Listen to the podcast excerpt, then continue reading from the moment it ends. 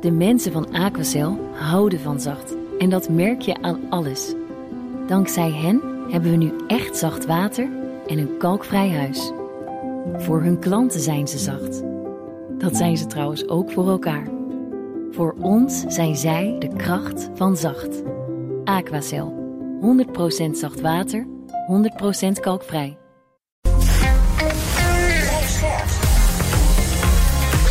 BNR Nieuwsradio.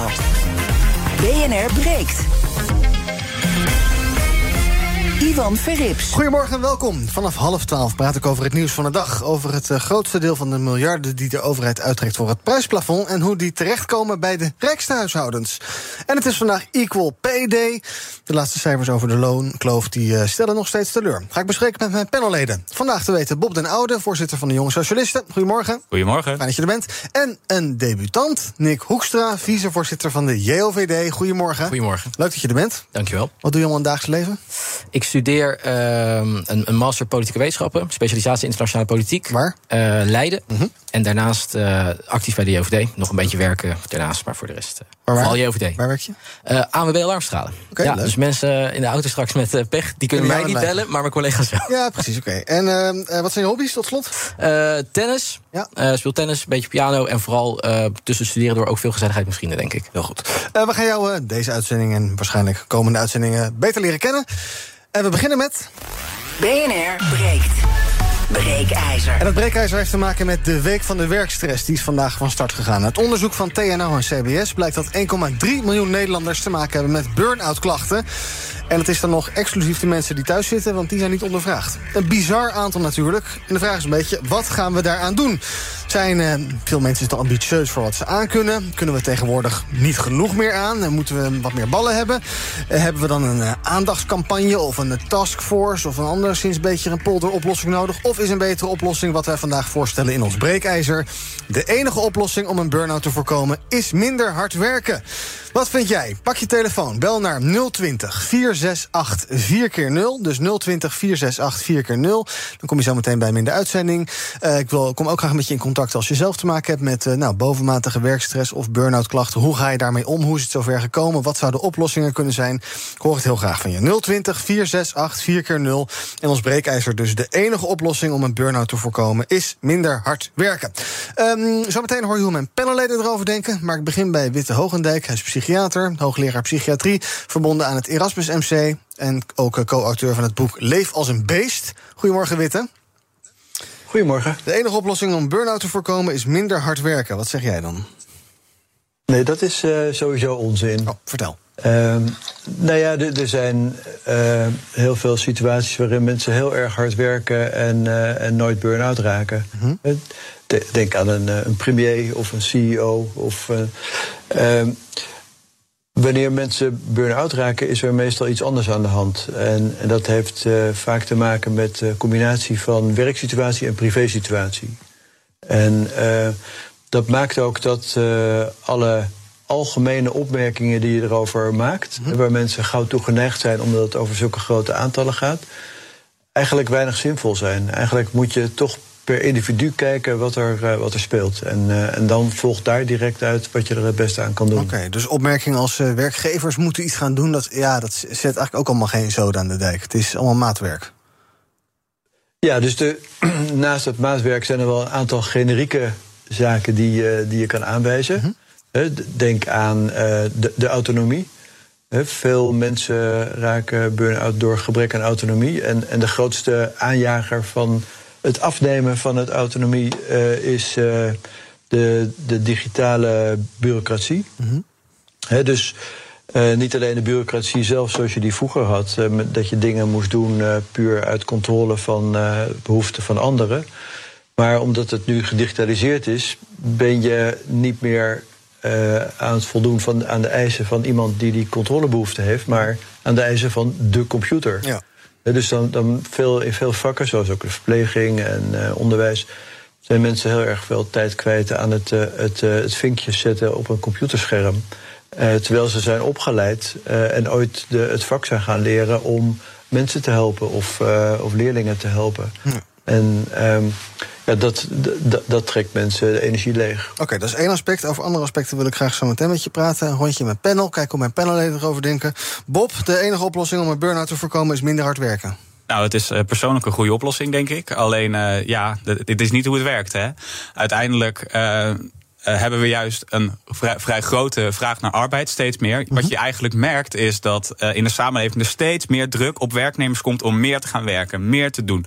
Uh, want ja, er zijn gewoon steeds meer banen. Ja. En ja, het is lastig nee zeggen, kan ik je vertellen. En ik vind het dan eigenlijk een beetje raar dat we dan bij de werknemer gaan pletsen. Nou, weet je wat, ga jij daar maar nee tegen zeggen. Jij moet gewoon wat minder hard gaan werken.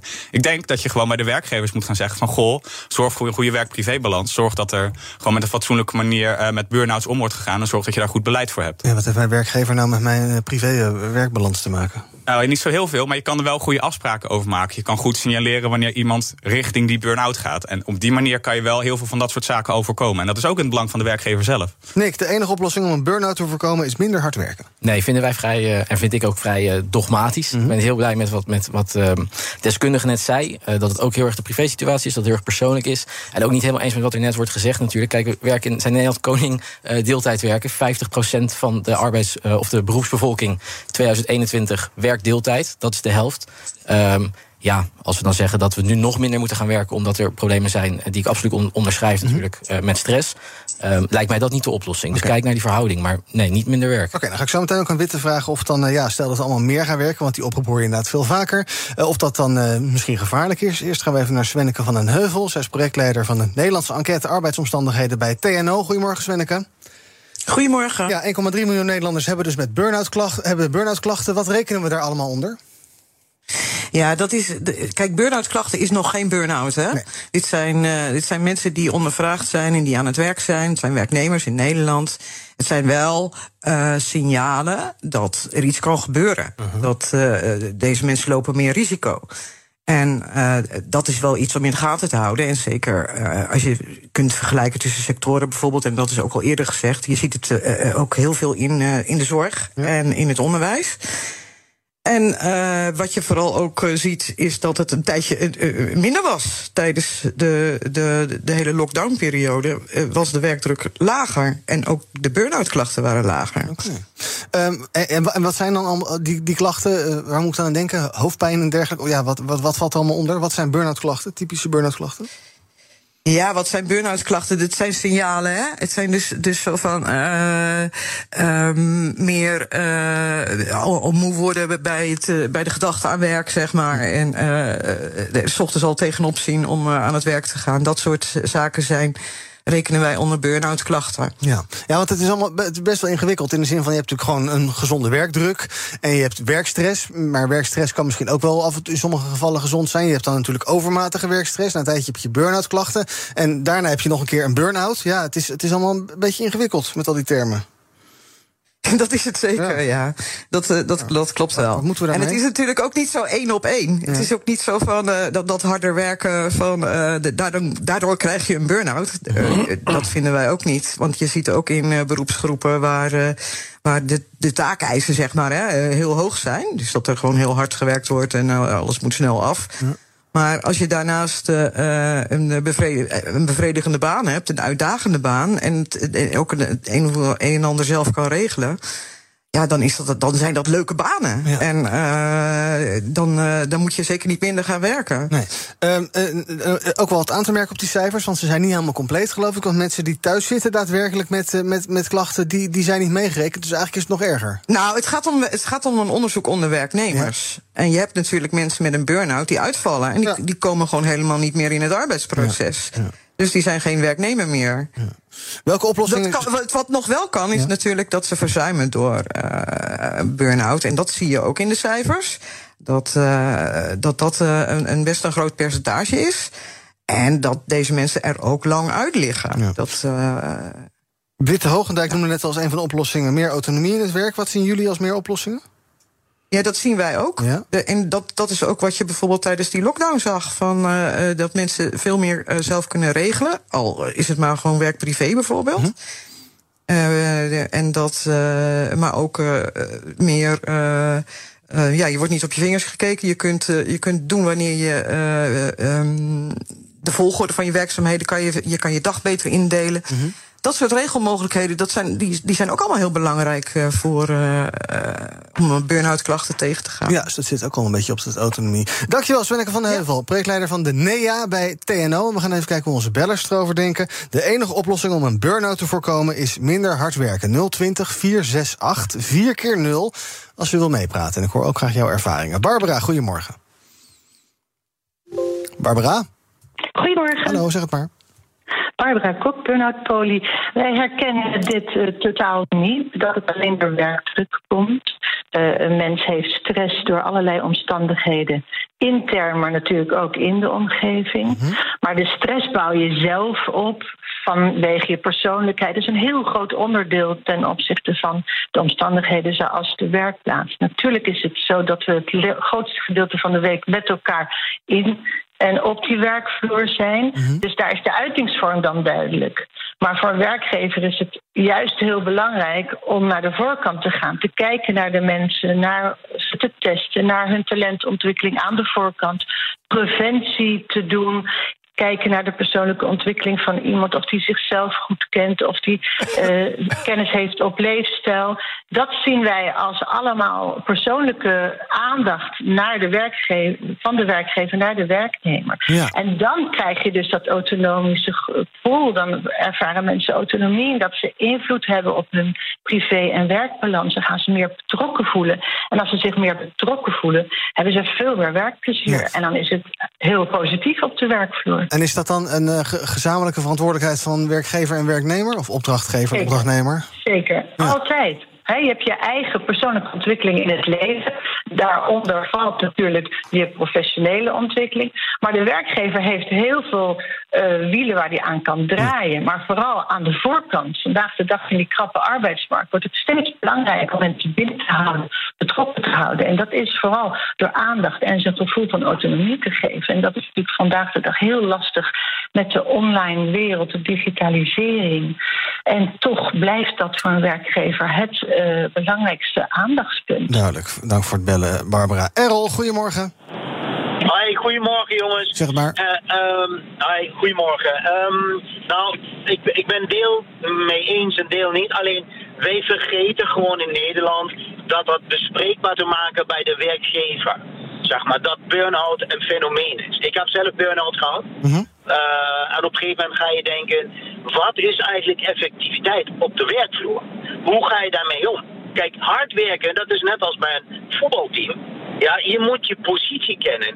En ook delegeren. Dus dat houdt in, als je om je heen goede mensen hebt, dan laat je dat ook merken. Jongens, hard werken heeft geen nut. Maar wel slim en Ja. effectief. Dus dat houdt in, maak bespreekbaar op de werkvloer, hè? privé. Natuurlijk speelt dat mee. Maar wij vergeten gewoon om te zeggen: jongens, waarvoor ben ik eigenlijk aangenomen? Ja. Wat zijn mijn taken? Ja. Daar moet je naar kijken. En dan ben ik dan vol, daarvan overtuigd om te zeggen: hé, hey, luister, daar ben je goed in, daar concentreer je en anderen doen gewoon ander werk. Dat is mijn mening. Efficiënter werken. Dus dank voor het bellen. En tot slot van dit blokje nog even Steven. Goedemorgen. Ja, goeiedag. Zeg maar. Nou, ik denk dat een heleboel mensen hun werk met ontzettend veel plezier doen. Maar op een gegeven moment niet meer weten welk deel van hun werk ze met plezier doen. En dan gaat het niet-plezierdeel de overhand hebben. Mhm. Het werk wat routinematig is geworden. En dan kom je erachter dat je een burn-out krijgt. Ik heb dat zelf ook zo gehad. Ja. toen kwam ik eigenlijk achter, ja, ik had eigenlijk veel eerder wat anders moeten gaan doen. Ja, en hoe kwam je daar weer uit dan door dus inderdaad daadwerkelijk iets anders te gaan doen? Ja, ik ging iets anders doen en het eh, was weg. Ja. Dus ja, je kunt alles wel bij die werkgever leggen. Maar misschien moet je gewoon heel goed weten wat je zelf leuk vindt. En als het niet helemaal strookt met wat je leuk en waar je gelukkig van wordt... dan eh, moet je gewoon zeggen van ik ga wat anders doen, want er is werk zat. Duidelijk. Dank voor het bellen, Steven. BNR breekt. Ivan Verrips. Met in mijn panel vandaag eh, Nick Hoekstra, de vicevoorzitter van de JOVD. Bob den Oude, voorzitter van de Jonge Socialisten. Ook Witte Hogendijk is bij me. Hij is psychiater, hoogleraar psychiatrie... verbonden aan het Erasmus MC. Co-auteur van het boek Leef als een beest. We praten over ons breekijzer. De enige oplossing om een burn-out te voorkomen is minder hard werken. Als je wil reageren, bel je naar 020 468 4 keer 0 020 468 4 keer 0 Uh, toch, Witte, jij noemt uh, in jouw uh, boek burn-out een moderne tijdsziekte. Dus het is echt wel iets van nu. Ik bedoel, 40, 50 jaar geleden hadden mensen geen burn-out? Ja, kwam burn-out uh, natuurlijk ook voor. Mm. Maar we leven toch wel echt in een heel andere tijd. Uh, met name door social media en het mobieltje. Waardoor je eigenlijk de hele wereld uh, non-stop in je zak hebt. En ook non-stop de aandacht vraagt. Mhm. Mm -hmm. En we denken dat dat toch wel opgevat kan worden als een soort, ja, wat we noemen daily hassle. He, dus een achtergrondruis, achtergronddruk. Dus niet een specifieke stressor, maar wel een achtergronddruk die, die bijdraagt aan de druk waar veel mensen uh, onder, onder, te onder lijden. Ja. Um, maar nogmaals, uh, dat, dat, dat is individueel afhankelijk. Je ziet aan die cijfers ook dat als 17% burn-out klachten heeft, dan heeft nog altijd 83% van de mensen uh, daar nergens last van. Mhm. En die kan daar gewoon mee omgaan. Dus uh, social media en, het mobieltje hoeven geen probleem te zijn. Maar als je bij jezelf merkt dat je uh, wel gevoelig voor stress bent. Dan moet je ook dat soort dingen betrekken in je, in je afwegingen. Ja, dan wil ik dat gelijk even toetsen bij mijn uh, millennials in mijn panel. Nick, ik weet niet, word jij een beetje geleefd door je Instagram... en heb je daardoor druk dat je ja, eigenlijk wel toch wel elke maand op vakantie moet... en heel erg veel en goed moet werken en een goede baan moet hebben... en er goed uit moet zien en uh, met elke, allerlei vrienden elke dag wild uit enzovoorts? Voel jij die druk? Ja, nou ja, persoonlijk niet heel erg... maar dat is ook omdat ik daar in mijn social media uh, gebruik dus beperk. dus ik denk dat het beeld dat je schetst volkomen terecht is... Mm -hmm dat er gewoon heel veel jongeren zijn die een bijbaantje hebben, daarna studeren, dat allemaal nominaal doen en denken van joh, ik doe toch heel erg goed mee. Dan Instagram openen en allemaal perfecte mensen zien die inderdaad één keer in de week op een of ander tropisch eiland zijn, hele vette video's opnemen. En denk dat dat de normaal is. Maar mm -hmm. dat zijn natuurlijk ook excessen. Um, en ik denk wel dat dat social media gebruik, zeker onder mijn generatie, um, dus dan een groot deel van je dag ook uh, in beslag neemt. Ook als ik hier in de trein naartoe kom, eerst wat ik doe, pak mijn telefoon erbij. En ik zie ja. meteen de hele wereld aan me, aan me voorbij gaan. Um, ik denk dat dat er heel erg aan bijdraagt. En dat, dat is niet iets wat de werkgever uh, of je werk uh, creëert. Dat is echt iets wat je zelf doet in je eigen hoofd. Ja. Te denken, ik ben niet goed genoeg, terwijl ja. dat niet het geval is. Ben je er gevoelig voor, Bob?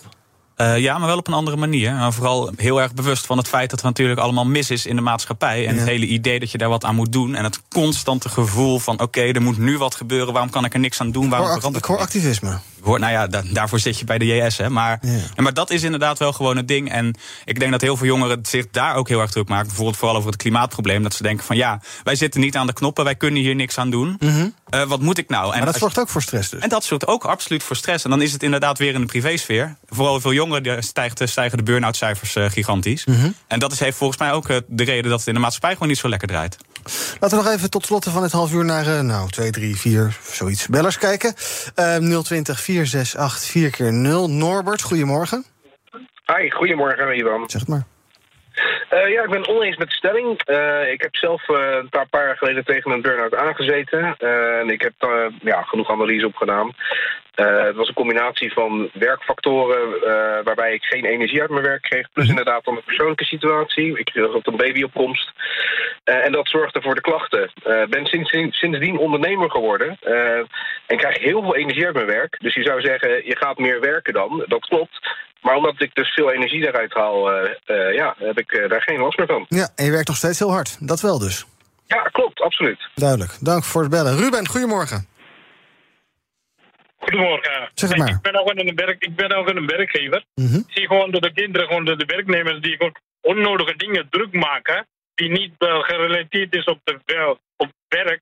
Maar daardoor raken ze meer gewoon gestrest en komen ze in burn-out. Ja. Dus mensen moeten leren om gewoon gratis werk wat ze doen, daar gewoon niet veel druk maken, niet over druk maken op de sociale media, wat het allemaal daar wordt geschreven, daar reageren, zelf kapot maken. Ja. Daar moeten ze gewoon afleren. Dus focus op de dingen die belangrijk zijn. Dank. Mitchell, goedemorgen. Goedemorgen. Oh. Uh, mijn persoonlijke ervaring is uh, met, met vrienden en familie die uh, overspannen zijn geraakt of depressief. En mijn ervaring daarmee is dat mensen vaak voor een langere tijd over hun persoonlijke grenzen heen zijn gegaan. Dan kom jij net in het arbeidsproces bij een groot bedrijf en eh, ja, gaat voor een lange tijd over die uh, grens heen. Mhm. Dat ik nog niet weet waar die grenzen liggen. Uh, is dat heel moeilijk. En daarom denk ik zeker niet dat een werkgever daar verantwoord verantwoordelijk is om dat bijvoorbeeld aan te zien komen. Uh, die managers, uh, teamleiders, dat zijn geen life coaches of, of psychologen. Ja. En daar hebben, ze, daar hebben ze ook helemaal geen tijd voor. Dus ik zie dit meer als ja, goede voorlichting op, op scholen, hogescholen. Zodat het eerder dat mensen weten waar hun grenzen liggen. En dat het uh, niet te laat is. Duidelijk, dank voor het bellen. En tot slot, voordat ik nog even naar Witte ga... wil ik uh, nog even praten met Rob van Dort. Goedemorgen, Rob. Ja, goedemorgen. Jij bent CEO van Succescenter Nederland. Wat is dat en wat heeft dat met burn-out te maken? Uh, nou, ik help uh, organisaties uh, met meer, aan meer omzet en winst. Ja. en uh, ik heb natuurlijk veel, veel, heel veel met mensen te, te maken. Ook met mensen die onder hoge, hoge druk zijn. Mhm. Mm -hmm. En de kans dat je in een negatieve spiraal komt als je richting als je burn-out klachten hebt, is heel erg groot. En de kunst is dat je dan tijdig om hulp gaat vragen. Ehm, binnen de organisaties. Bij organisaties best wel steeds meer behoefte, of uh, dat er steeds meer uh, aandacht is om uh, mensen te helpen. Mm -hmm. En te kijken van, hé, hey, hoe kunnen we jou optimaal inzetten? Maar je moet ook jezelf durven neerzetten van, wat zijn jouw kwaliteiten? En wat zijn je talenten om echt te gaan doen waar je het beste in, in bent? Ja. En dus in ieder geval niet ermee door blijven lopen. Dank voor het bellen. Uh, Witte, een paar dingen die ik een paar keer teruggehoord heb. Uh, nou ja, bespreekbaarheid dus ervan. En ja, zorg ervoor dat je bespreekt. En ook dat je als werkgever natuurlijk die ruimte creëert. Maar ook dat je als werknemer iets gaat doen, denk ik. En jij zei ook net van ja, tijdens de coronapandemie was het allemaal veel lager. toen waren we ook natuurlijk aan het thuiswerken. Nou is vandaag in het nieuws nog dat 70% van de Nederlandse werkgevers zegt dat ze thuis willen, thuiswerken willen beperken. Vind je dat een slecht idee? Ik denk uh, dat je het heel erg moet afstemmen op de individuele situatie van, van, uh, van, de, van de medewerker. Want uh, bij de een leidt het juist tot isolement, het thuiswerken. En bij de ander geeft het juist de ruimte om beter door te werken. Dus dat zal, zal iedereen met zijn leidinggever moeten bespreken. Maar iets anders is wat je zei van het tijdig aan de bel trekken. Wil ik nog even onderstrepen dat voor het fase van, uh, van de vermoeidheid, waar, waar de deskundige van CWS het net over had, mm -hmm. uh, komt nog eigenlijk een andere fase en dat noemen we overspanning. Dat is een huisartsendiagnose, bedrijfsartsendiagnose ook. En overspanning is eigenlijk het uh, verschijnsel van uh, de, de onrustige slaap, de prikkelbaarheid, het niet tegen druk te kunnen, emotionele labiliteit, piekeren, zich gejaagd voelen, concentratieproblemen.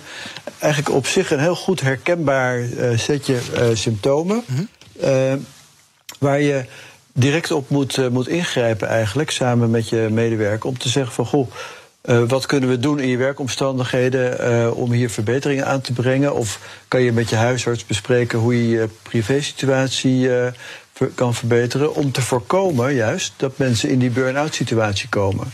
Dus het herkennen van het voorstadium is eigenlijk cruciaal. Dat is het belangrijkste. Dank uh, voor je uh, aanwezigheid. Witte Hogendijk, hoogleraar psychiatrie van het Erasmus MC... en uh, co-auteur van het boek Leef als een beest.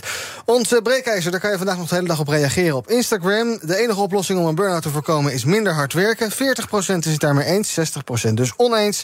Daar kan je nog de hele dag van je laten horen. Wij gaan zo meteen met Bob en Nick verder praten over het nieuws van de dag... over het prijsplafond voor energie. Want wat blijkt, de miljarden die daarin gepompt worden... die komen voornamelijk terecht bij mensen die dat nou, misschien niet per se heel hard nodig hebben. En het is Equal Pay Day vandaag. Mannen die hebben vandaag al verdiend waar vrouwen het hele jaar voor moeten werken. Hoe dat nou te doorbreken is, gaan we allemaal zo bespreken. In het tweede deel van BNR Breek. Tot zo. De mensen van Aquacel houden van zacht. En dat merk je aan alles.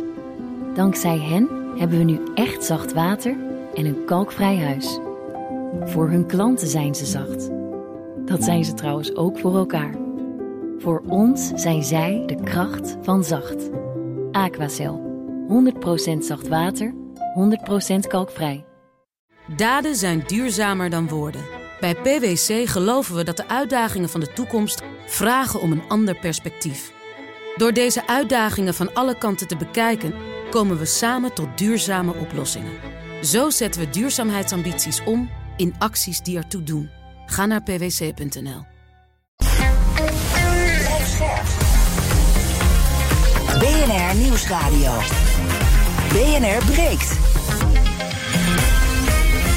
Ivan Verrips. Welkom terug in mijn panel vandaag. Bob den Oude, voorzitter van de Jonge Socialisten... en Nick Hoekstra, vicevoorzitter van de JOVD. En we gaan praten over het nieuws van de dag. We beginnen bij het prijsplafond voor energie. Dat blijkt eh, kwetsbaren ja, onvoldoende te beschermen... als wat eerst misschien was gedacht. Databedrijf Sprinko Urban Analytics heeft dit onderzocht... op verzoek van BNR. En wat blijkt van de miljarden die het kabinet in het prijsplafond steekt... belandt bijna een kwart bij huishoudens... die meer dan een ton per jaar verdienen. En dat komt volgens Sprinko-directeur Hank Groenhof door... Nou, dat komt met name omdat ze uh, eigenlijk wat groter wonen dan, uh, dan bijvoorbeeld uh, inkomens die lager zijn. -huh. en daardoor verbruiken ze meer gas.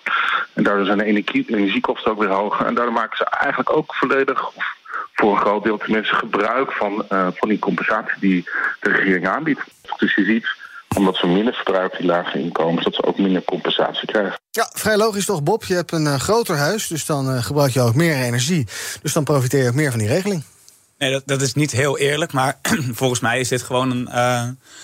Uh, uh, een, een, vervolg van het feit dat ze uh, niet op tijd de maatregelen genomen hebben. Ik denk, kijk, de overheid heeft nu gewoon besloten van iedereen, uh, er moet voor iedereen moet er een, een, prijsplafond zijn. Mm -hmm. En dat betekent gewoon dat je niet kan differentiëren tussen hoge en lage inkomens. Ja. En nu betaal je gewoon die prijs van achter de feiten aan blijven lopen. Ja, ja. maar je kan niet zeggen dat de rijkste 20% hier graaiers zijn, want ze hoeven er niks voor te doen. Je krijgt het gewoon. Nee, absoluut. Ik krijg de, de schuld ook volledig bij de regering. De oppositie zegt ook, had ook al een paar maanden eerder gezegd van goh jongens, die maatregelen moet je wel gaan nemen, want anders dan krijg je dus het probleem dat, dat je niet kan gaan differentiëren. En het is gewoon heel erg lastig om op een paar maanden zeg maar, die maatregelen te nemen. Ja, problematisch Nick, dat is een uh, maatregel waar misschien mensen die uh, nou ja, uh, niet zoveel verdienen of die het wat zwaarder hebben, dat die daar eigenlijk relatief minder van profiteren dan de rijkste 20% van dit land. Absoluut, ja. Ik sluit me helemaal aan bij uh, wat Bob zegt. Uh, wij hebben hier ook een actie over gehouden voor de Tweede Kamer. Uh, om even de gekheid van, van deze maatregelen... Oh, je hebt geld uitgedeeld, geloof ik. We hebben geld uitgedeeld, oh, ja. maar daarbij wel gevraagd... heeft u het nodig? En wat je daarvan opviel is dat de meeste mensen zeggen van... nee, weet je wat, geef maar aan de volgende die het echt nodig heeft. En mm. ik denk dat de meeste Nederlanders er ook zo in staan.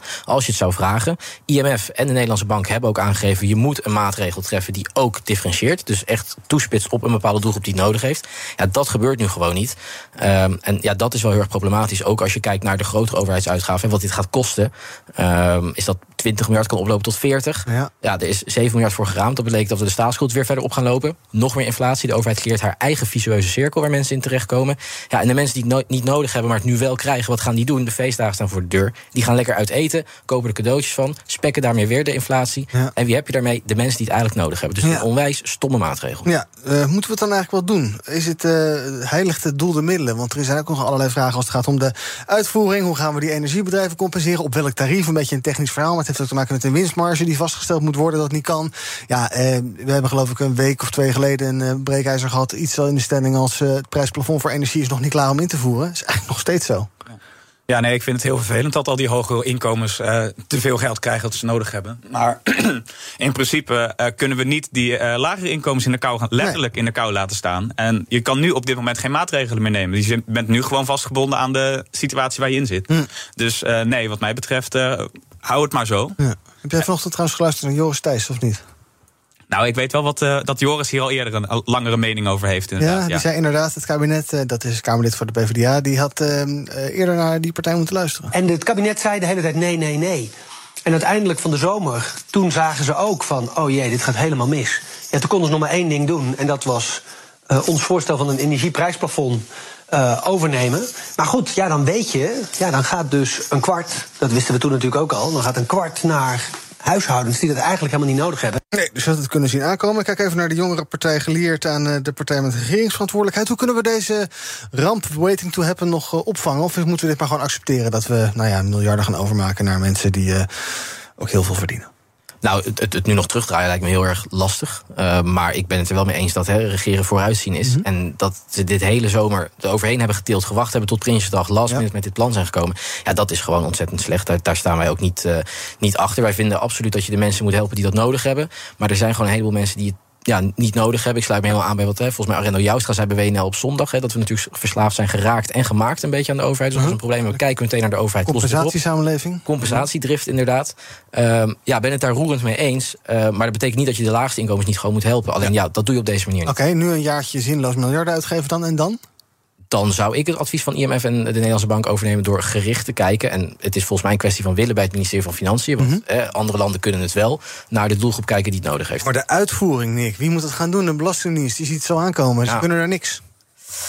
Nou, dat zou ik niet willen zeggen. Dat, dat- dan doen we natuurlijk al die mensen. Ja, kijk, als we dan de toeslagen verder bijhouden, dan zou je natuurlijk een beeld kunnen schetsen dat de belasting. Nee, ik bedoel meer in de uitvoering. eh, ja, ze kunnen gewoon niet zoveel veranderingen aan. Ze kunnen nog geen eens eh, het eh, btw-percentage op groente en fruit omlaag brengen. Dus ja, laat staan dat ze. Nee, dat is ook het argument hè, van financiën dat hè, het te lastig is om in te voeren. Maar ik denk dat dat gewoon een kwestie van tijd nodig heeft. Want er werken daar volgens mij zat slimme ambtenaren die hiernaar kunnen kijken. ehm, dat je gewoon hè, met gegevens van de gemeente kan gaan uitvragen: joh, wie zit er nou echt aan die ondergrens? Wie hebben het nodig?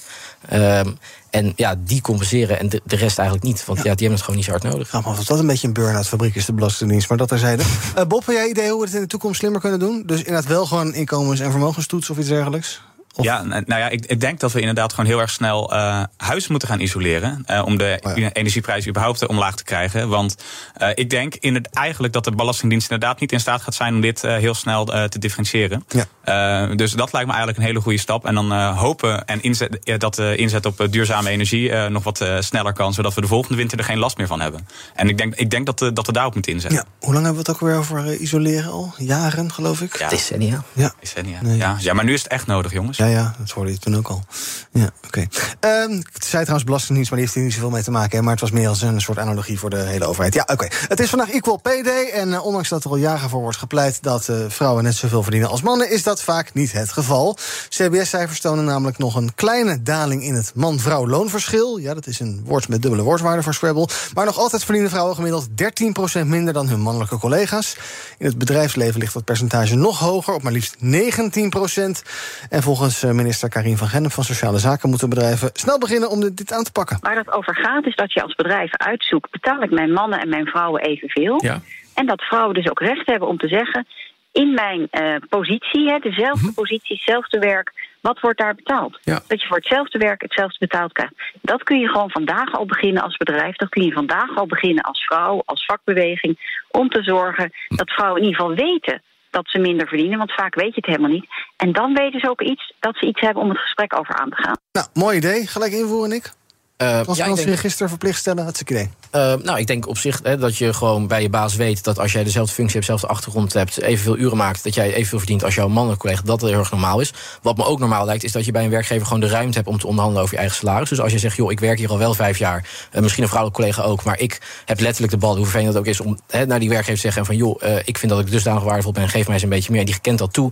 Ja, ik wil dat iemand ook niet eh, eh, afnemen, hè, die mogelijkheid om te onderhandelen met je eigen werkgever. Dus die absoluut houden, maar ja, wat hier gezegd wordt, mee eens. Ja, ehm, maar door die onderhandeling, de ene kan het beter dan de ander. Los van eh, geslacht en dergelijke. Maar ja, dat creëert dus ook ongelijkheid. Ja, klopt. Maar dat, dat, hè, dat we het onderzoek er ook aantonen. Hè, dat ze hebben gedifferentieerd voor een heleboel dingen. Eh, achtergrond, eh, kom af, opleidingsniveau, uren. Maar bijvoorbeeld niet voor of jij tijdens werk nog extra eh, trainingen aanneemt bij je werkgever. of wat je eigen ambitie is. Of hoeveel waarde jij misschien persoonlijk hecht aan een loon. Want sommige mensen hebben dus iets van: nee, ja, ik doe het niet voor de lol, maar ik vind het wel belangrijk. Ehm, dus ik denk dat dat ook iets is waar je naar moet kijken. Dus kijk ook naar die weerbaarheid van je eigen werknemers daarin. En geef mensen ook aan dat die ruimte er is. Maar ja, je kunt niet de eigen verantwoordelijkheid wegnemen van een werknemer om zelf in discussie te gaan over je eigen loon. Nee, Bob, ik zag een eh, persbericht bij komen, voorbij komen van Sociale Zaken. Let op, er komt de onderwerpregel. Extra aandacht voor ongelijkheid mannen en vrouwen op arbeidsmarkt. Met maatschappelijke dialoog. Nou, dat is de oplossing. Maatschappelijke dialoog. Ja, maatschappelijke dialoog. Nou ja, ik, ik denk dat er wel iets is, in zit in dat het verwachtingsmanagement dat eh, werkgevers eh, in de onderhandelingen vrouwen gewoon eh, minder toekennen. Omdat ze gewoon. Het is toch al zo jaren. Dus Het is toch al zo. Nou ja, ze, ze weten wat, wat, wat de voor, voorgaande vrouwen zeg maar, verdiend hebben. En daar blijven ze op afgaan. Dus ik denk dat daar wel een stukje bewustzijn te winnen valt. Van joh, misschien moeten we het er gewoon één keertje aanpassen. En dan heb je het daarna nooit meer over. Dan heb je het daarna nooit meer over. Oké, maar bewustzijn of gewoon wetgeving? Meer. Want ja. Ja, nou inderdaad, we praten al heel lang over het maken van bewustzijn en eh, quotumregelingen en dergelijke. Dat eh, werkt blijkbaar allemaal niet goed genoeg. Dus misschien moeten we inderdaad maar eens eh, naar wetgeving gaan kijken. Ja, oké. dus de helft van het land moet dan 20% meer gaan verdienen. Of moeten mannen wat minder gaan verdienen? Kan natuurlijk ook. Waar gaan we dat van betalen?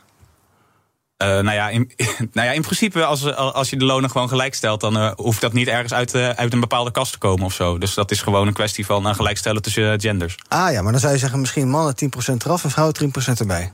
Ja. Is dat een goed idee, Nick? Nou ja, ik denk het niet, want die ruimte voor onderhandelen haal je dan gewoon nog steeds weg. Want ik, denk, kijk, ik, ik vind het heel erg belangrijk dat iedereen hetzelfde verdient als je hetzelfde werk doet. Maar wat het onderzoek zelf ook al aankaart van het CBS, is dat er op een aantal punten gewoon niet, ehm, niet gedifferentieerd of in ieder geval niet meegenomen zijn in het onderzoek. Ehm, ja, kijk, je hebt ook een eigen verantwoordelijkheid als, als werknemer. En als jij eh, ervan overtuigd bent dat je minder eh, eh, verdient of minder krijgt dan dat je zou moeten krijgen, dan moet je gewoon naar je werknemer of werkgever stappen en dat gesprek gewoon aangaan. En dat de een dat wel doet en de ander dat niet. Onafhankelijk van wat je geslacht is. Ehm, ja, dat vind ik heel erg lastig om dat bij de werkgever neer te gaan leggen. Want dat is iemands persoon. eh, Net met de discussie over stress. Dus daar kan persoonlijk iets achter zitten. Eh, maar ik vind dat niet de taak van de werkgever. Dus als, en als je werkgever je als een asshole behandelt, dan ga je toch gewoon ergens anders nou, werken. Dat volgens mij ligt de, baan op op, het moment voor het oprapen. Maar ik denk in principe moet het zo zijn dat je gewoon gelijk verdient. Daar zijn we ook absoluut voor. Hè. Dus als jij het eh, evenveel uren maakt, dezelfde achtergrond hebt, eh dezelfde ambities hebt, dan moet dat gewoon. En datzelfde gesprek aankaart, dat is belangrijk. Dan moet dat gewoon kunnen. Ehm, maar ja, wel ruimte voor dat gesprek. Want je nou, Ja, maar mag daar gewoon over handelen. Nou, ik denk dat, eh, dat we ook wel echt iets zit in dat, eh, dat we bij vrouwen gewoon andere verwachtingen hebben. En dat trekken we ook breder naar de maatschappij toe. We hebben in de, Ne- in de Nederlandse samenleving, of überhaupt in de westerse samenleving, iets wat eh, zoals de moederkloof heet. Hè, Dat eh, van vrouwen toch verwacht wordt. Ja, dat, dan, die worden dan moeder. En dan op het moment dat ze zeg maar, hun eerste kind krijgen, dan daalt hun arbeidsproductiviteit. Of tenminste het salaris wat ze krijgen. Terwijl dat voor mannen niet zo is. En dat, daar zit dan toch ergens een probleem. Wat je aan moet kunnen pakken. En dat als je, die gelijk, dat je dat gelijk wil trekken, dan zou je dat inderdaad wel gewoon. doen. Weet je dat probleem ook zo oplossen? Wetgeving? Als alle vrouwen en eh, eh, eenmaal, eh, mannen die met sympathiseren, als die gewoon allemaal gaan staken. Vanaf morgen. Dus het probleem is wel opgelost. Weet je? Overgroot, in ieder geval voor een dag. Ja. De mensen van Aquacel houden van zacht. En dat merk je aan alles. Dankzij hen hebben we nu echt zacht water en een kalkvrij huis. Voor hun klanten zijn ze zacht. Dat zijn ze trouwens ook voor elkaar. Voor ons zijn zij de kracht van zacht. Aquacel. 100% zacht water, 100% kalkvrij.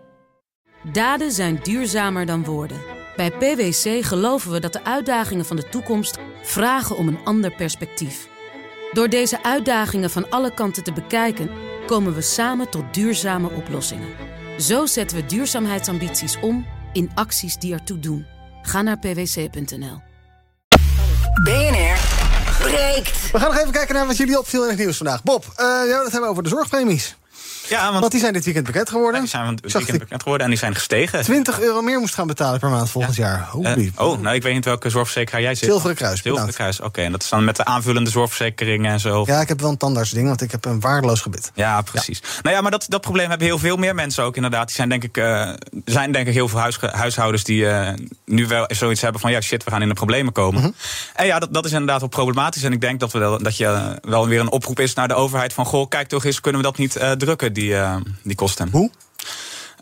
nou, eh, je zou bijvoorbeeld kunnen kijken van... Goh, gaan dat eigen risico niet wat, eh, wat verplichte eigen risico niet omlaag? Of eh, kunnen we gewoon niet... eh, eh, ja, kunnen we de kosten omlaag halen? Dat is eigenlijk eh, een beetje de, het statement. Ja. Hoeveel, hoeveel ga jij meer betalen? Hoeveel ik meer ga? Ik, ga Ja? bij DSW, ik zit bij DSW. Ja? Voor mij is het een eh, tientje volgens mij. En eh, ja, ik, zit- ik vind het altijd wel leuk om bij de kleine van de vier eh, te zitten. Ja, een beetje idealistisch geloof Idealistisch, ik ook. hè? ja, ja, ja. En ik, eh, goed, wat, eh, wat moeten we doen om die zorg betaalbaar te houden? Ik geloof Nou. dat we voor het eerst meer dan 100 miljard aan zorg uit gaan geven. Dit jaar of volgend jaar. Eh, afgelopen vrijdag was nog bij BNR in het nieuws dat ik geloof dat de helft van de mensen nu al moeite heeft met het betalen van die zorgverzekering. Nou, voor, dus, voor sommige mensen fors duurder. Vind die 20 euro wel leien, maar ik kan me voorstellen dat het voor sommige mensen wel een probleem is. Absoluut. Ik merk hier wel meteen Compensatie, weer, Ja, ik merk hier heel veel compensatie. We kijken meteen weer naar de overheid. We hebben net in het eerste, eerste item aangekaart... dat een helft, de helft van de Nederlandse beroepsbevolking... dus de 15, 75 werkt part-time. Ja, als je de zorg niet kan betalen of je kan gas... Ik, ik vind het allemaal echt onwijs reële problemen, hoor. Daar niet van. Ehm, maar dan kijk dan niet meteen eerst naar de overheid. Kijk Mhm. Waar eerst, dan naar? Nou, als jij 24 of 32 uur in de week werkt... kijk of jij acht uurtjes eh, in de week erbij kan pakken. Dan kun je namelijk die 20 euro gewoon prima betalen. Sterker nog, hou je ook nog wat over. Ehm, dus ik ben, ik ben het er helemaal mee eens. We zitten allemaal met stijgende kosten. Ehm, we zitten met een demografische verschuiving... die natuurlijk een onwijs groot probleem is. Hè. Er is een onwijs grote generatie aan boomers... en de 1, 2 generatie daaronder die nu oud worden. Ja, onze generatie mag dat pensioenstelsel... mag dat zorgstelsel gaan betalen. Als wij massaal part- parttime blijven werken... kun je het op je buik schrijven. Ja, dan is dat, zorg, zorg dat je niet ziek wordt, het helpt ook. ja, maar dat systeem is niet help, houdbaar zo. Oh. Nee. Ik zie Bob een beetje mee wagen. Ja, nou ja, ik vind, we hebben net een hele discussie over werkdruk en eh burn-outs gehad. En dan is de oplossing van, oh ja, nee, je kan het niet betalen, ga maar wat wat meer werken. Omdat werk ook niet ja. het probleem was, zoals gezegd werd. Nou ja, ik denk dat een tweede baan die er waarschijnlijk bij moet gaan nemen als je 40 uur in de week of meer werkt, uh, dat lijkt me inderdaad absoluut niet, het pro- Nee, niet, ja. niet de oplossing. Ja. Ja, je hebt het probleem van de werkende armen. Ja, dit zijn mensen die gewoon Kijk, werken. we zijn een beetje verwend in dit land. Dat is het probleem. Je krijgt er nu straks een bonus op toe als je voltijd gaat werken. Daar is de Tweede Kamer nu mee bezig, een voltijdbonus. de banen liggen voor, eh, liggen voor het oprapen, want er is overal tekort. Je kunt in onderhandeling gaan met je werkgever. Er is heel weinig reden om niet een paar uurtjes in de week eh, en in de maand... en wat meer euro's dus in de maand te gaan verdienen. Dus er zijn heel weinig valide argumenten voor te geven. Ik, ben het helemaal eens met de reële problemen die mensen hebben... maar meteen naar de overheid kijken is niet de oplossing. Nee, dat, dat lijkt me vrij raar. Tenminste, ik denk dat er gewoon heel veel mensen, en dat, eh, dat weten, ze- weten ze bij de JOVD misschien niet, maar die zitten gewoon aan CAO vast. En eh, die, hebben, die hebben zelf niet zo heel veel te onderhandelen. Dat, gaat dan, wel- dat mogen ze dan wel eh, met de, in de werkgeversonderhandelingen doen. Maar ja, nee, dat, dat is niet zomaar makkelijk op te lossen door voor een hoger, hoger loon te gaan eisen. Want we hebben hier een paar weken terug nog gehad dat, eh, dat de werknemers zich maar een koers moesten houden en dat de inflatie eh, niet, eh, niet gecompenseerd Ja. moest worden, volgens mij. Dus nee, daar ben ik het absoluut niet mee. Nee, maar niks, stel je werkt in de, weet ik veel, in de zorg of in de horeca of dergelijks. Je hebt een baan van de 36 uur per week. Zeg je dan, goh, ga daar maar even op zaterdagochtend nog bij een, ergens schoonmaken of zo. Of ga er maar gewoon wat, even wat bij doen. Kijk, als dat het in jouw persoonlijke sfeer toelaat, wel. En ik, ik kijk, vind jou wat nu wordt gezegd alsof wij bij de daar geen oog voor hebben, want dat hebben we wel. Ehm, alleen wij, reden, hè, wij kijken niet vanuit de gemeenschap en vanuit de groep, maar wij kijken naar het individu. Eh, dus wij vinden het belangrijk. Kijk eerst wat je zelf kan doen. En is dat inderdaad ehm, een tweede baantje bij, dan is dat een tweede baantje bij. Is dat meer uren maken, dan is dat meer uren maken. Eh, en tuurlijk is eh, dat kennen wij ook gewoon. Is er een groep mensen voor wie dat niet geldt, voor wie die vlieger niet opgaat, die echt aan de onderkant zitten. Nou, volgens mij hebben we daar net in de discussie over gehad. Met zo'n energietoeslag, andere toeslagen zijn we daar hartstikke voorstander van. Maar wel echt alleen bij de mensen die het nodig hebben en niet eerst direct naar de overheid kijken. Nick, je wil het hebben over onder andere de ontmoeting tussen Biden en Xi. Ik zag een Ja. half uurtje voor deze uitzending zag ik dat ze elkaar de handen schudden. In een vrij stil zaaltje was dat eh, voor eh, wat eh, banieren en er werden wat foto's gemaakt. Het gesprek is inmiddels ook begonnen naar verwachting over nou ja, Taiwan, Oekraïne, Noord-Korea, dat soort zaken. Met ook dan vandaag het nieuws van het CBS dat onze economie vorig jaar verder is vervlochten geraakt met die van China. Maak je je zorgen om China? Ehm, ja, ehm, en die cijfers waren tot 20% zijn wij nu eh, vervlochten met, met China. Dat is aanzienlijk gestegen. Dat gaat over miljarden, miljarden euro's. Ehm, wat het, waarom ik het vooral erover wilde hebben, en ook met de ontmoeting met, met Biden en, en Xi, is dat daar wordt eigenlijk helemaal niet zoveel besproken. Je noemde net allemaal heel belangrijke thema's, maar het gaat vooral over een soort van vangrails creëren. Want de situatie is nu heel erg slecht tussen de twee grootmachten.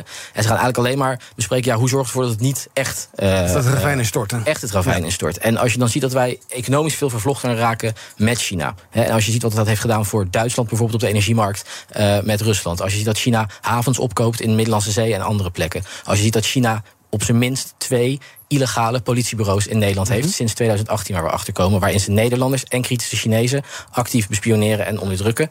Eh, dan denk ik wel dat wij heel goed moeten overwegen met een haven als Rotterdam, met een vliegveld als Schiphol. Daar zijn we als JVD ook voorstander van. Dat gaat de economie raken, maar onze afhankelijkheid van China, ehm, dat gaat boven eh, ons economisch gewin. Dus als we daar minder afhankelijk van kunnen worden, dan zijn wij absoluut voorstander. Ja, maar dat gaan dus inderdaad dingen echt wel ook veel duurder worden. Dat Eh, dan ja. ga je geen Huawei meer eh, willen. Er was afgelopen vrijdag nog een betoog van de, het ChristenUnie verbiedt eh, TikTok. Dan moet je eigenlijk gewoon China helemaal gaan, gaan weer uit je leven. Ja, dat, nou, dat, je hoeft het niet te boycotten, eh, maar de afhankelijkheid is wel een ding. Kijk, ik zie ook allemaal hele mooie camera's. Ik weet niet welk merk het is. Sony. Sony. En volgens mij zijn die nog goed. Maar volgens mij alleen in Den Haag hangen al 134 beveiligingscamera's... en de rest van Nederland ook. eh, van goedkope Chinese makelaardij. Ehm, nou, mensenrechten geschonden omdat dat gewoon onder dwangarbeid is gemaakt. Maar los daarvan ook een, een, een security probleem.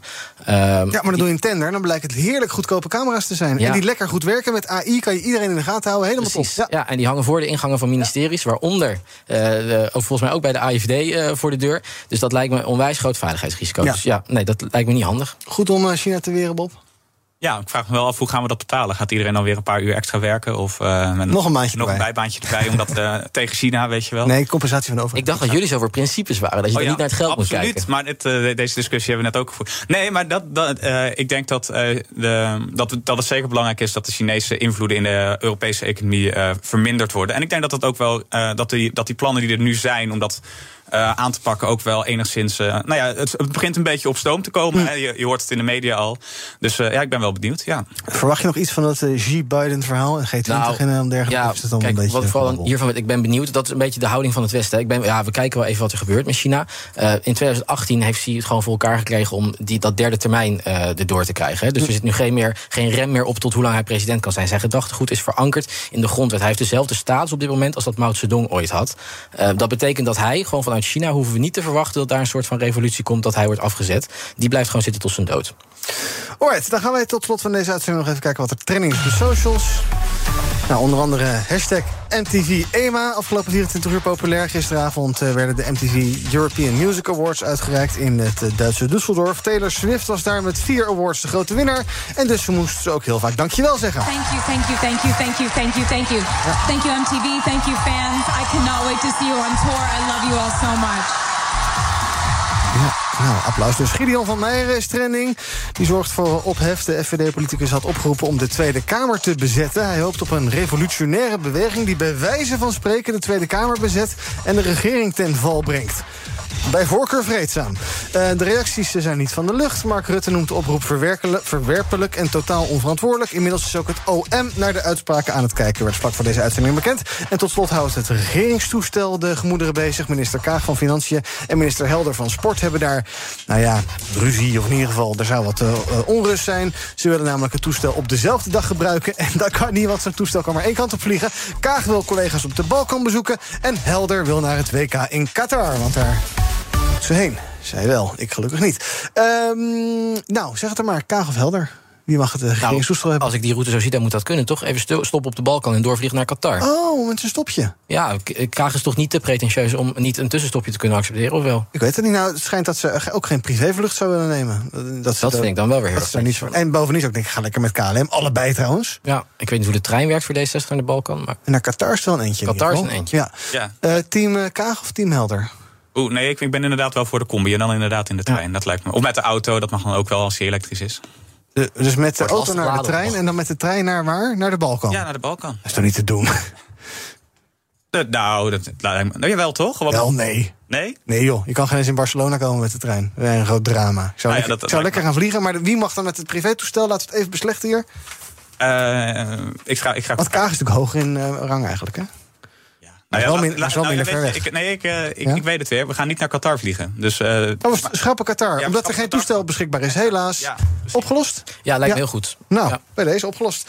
We sturen het bandje naar Den Haag. Dank voor jullie aanwezigheid vandaag, Nick en Bob. Uh, morgen ben ik er weer met BNR Breekt. Tot die tijd volg je ons via de socials. Zoek maar even YouTube, Instagram, Twitter, TikTok, LinkedIn. Overal zijn we te vinden. En zometeen over een paar minuutjes is hier Thomas van Zel met Zaken doen. Tot morgen. De mensen van Aquacel houden van zacht. En dat merk je aan alles. Dankzij hen hebben we nu echt zacht water en een kalkvrij huis. Voor hun klanten zijn ze zacht. Dat zijn ze trouwens ook voor elkaar. Voor ons zijn zij de kracht van zacht. Aquacel. 100% zacht water, 100% kalkvrij.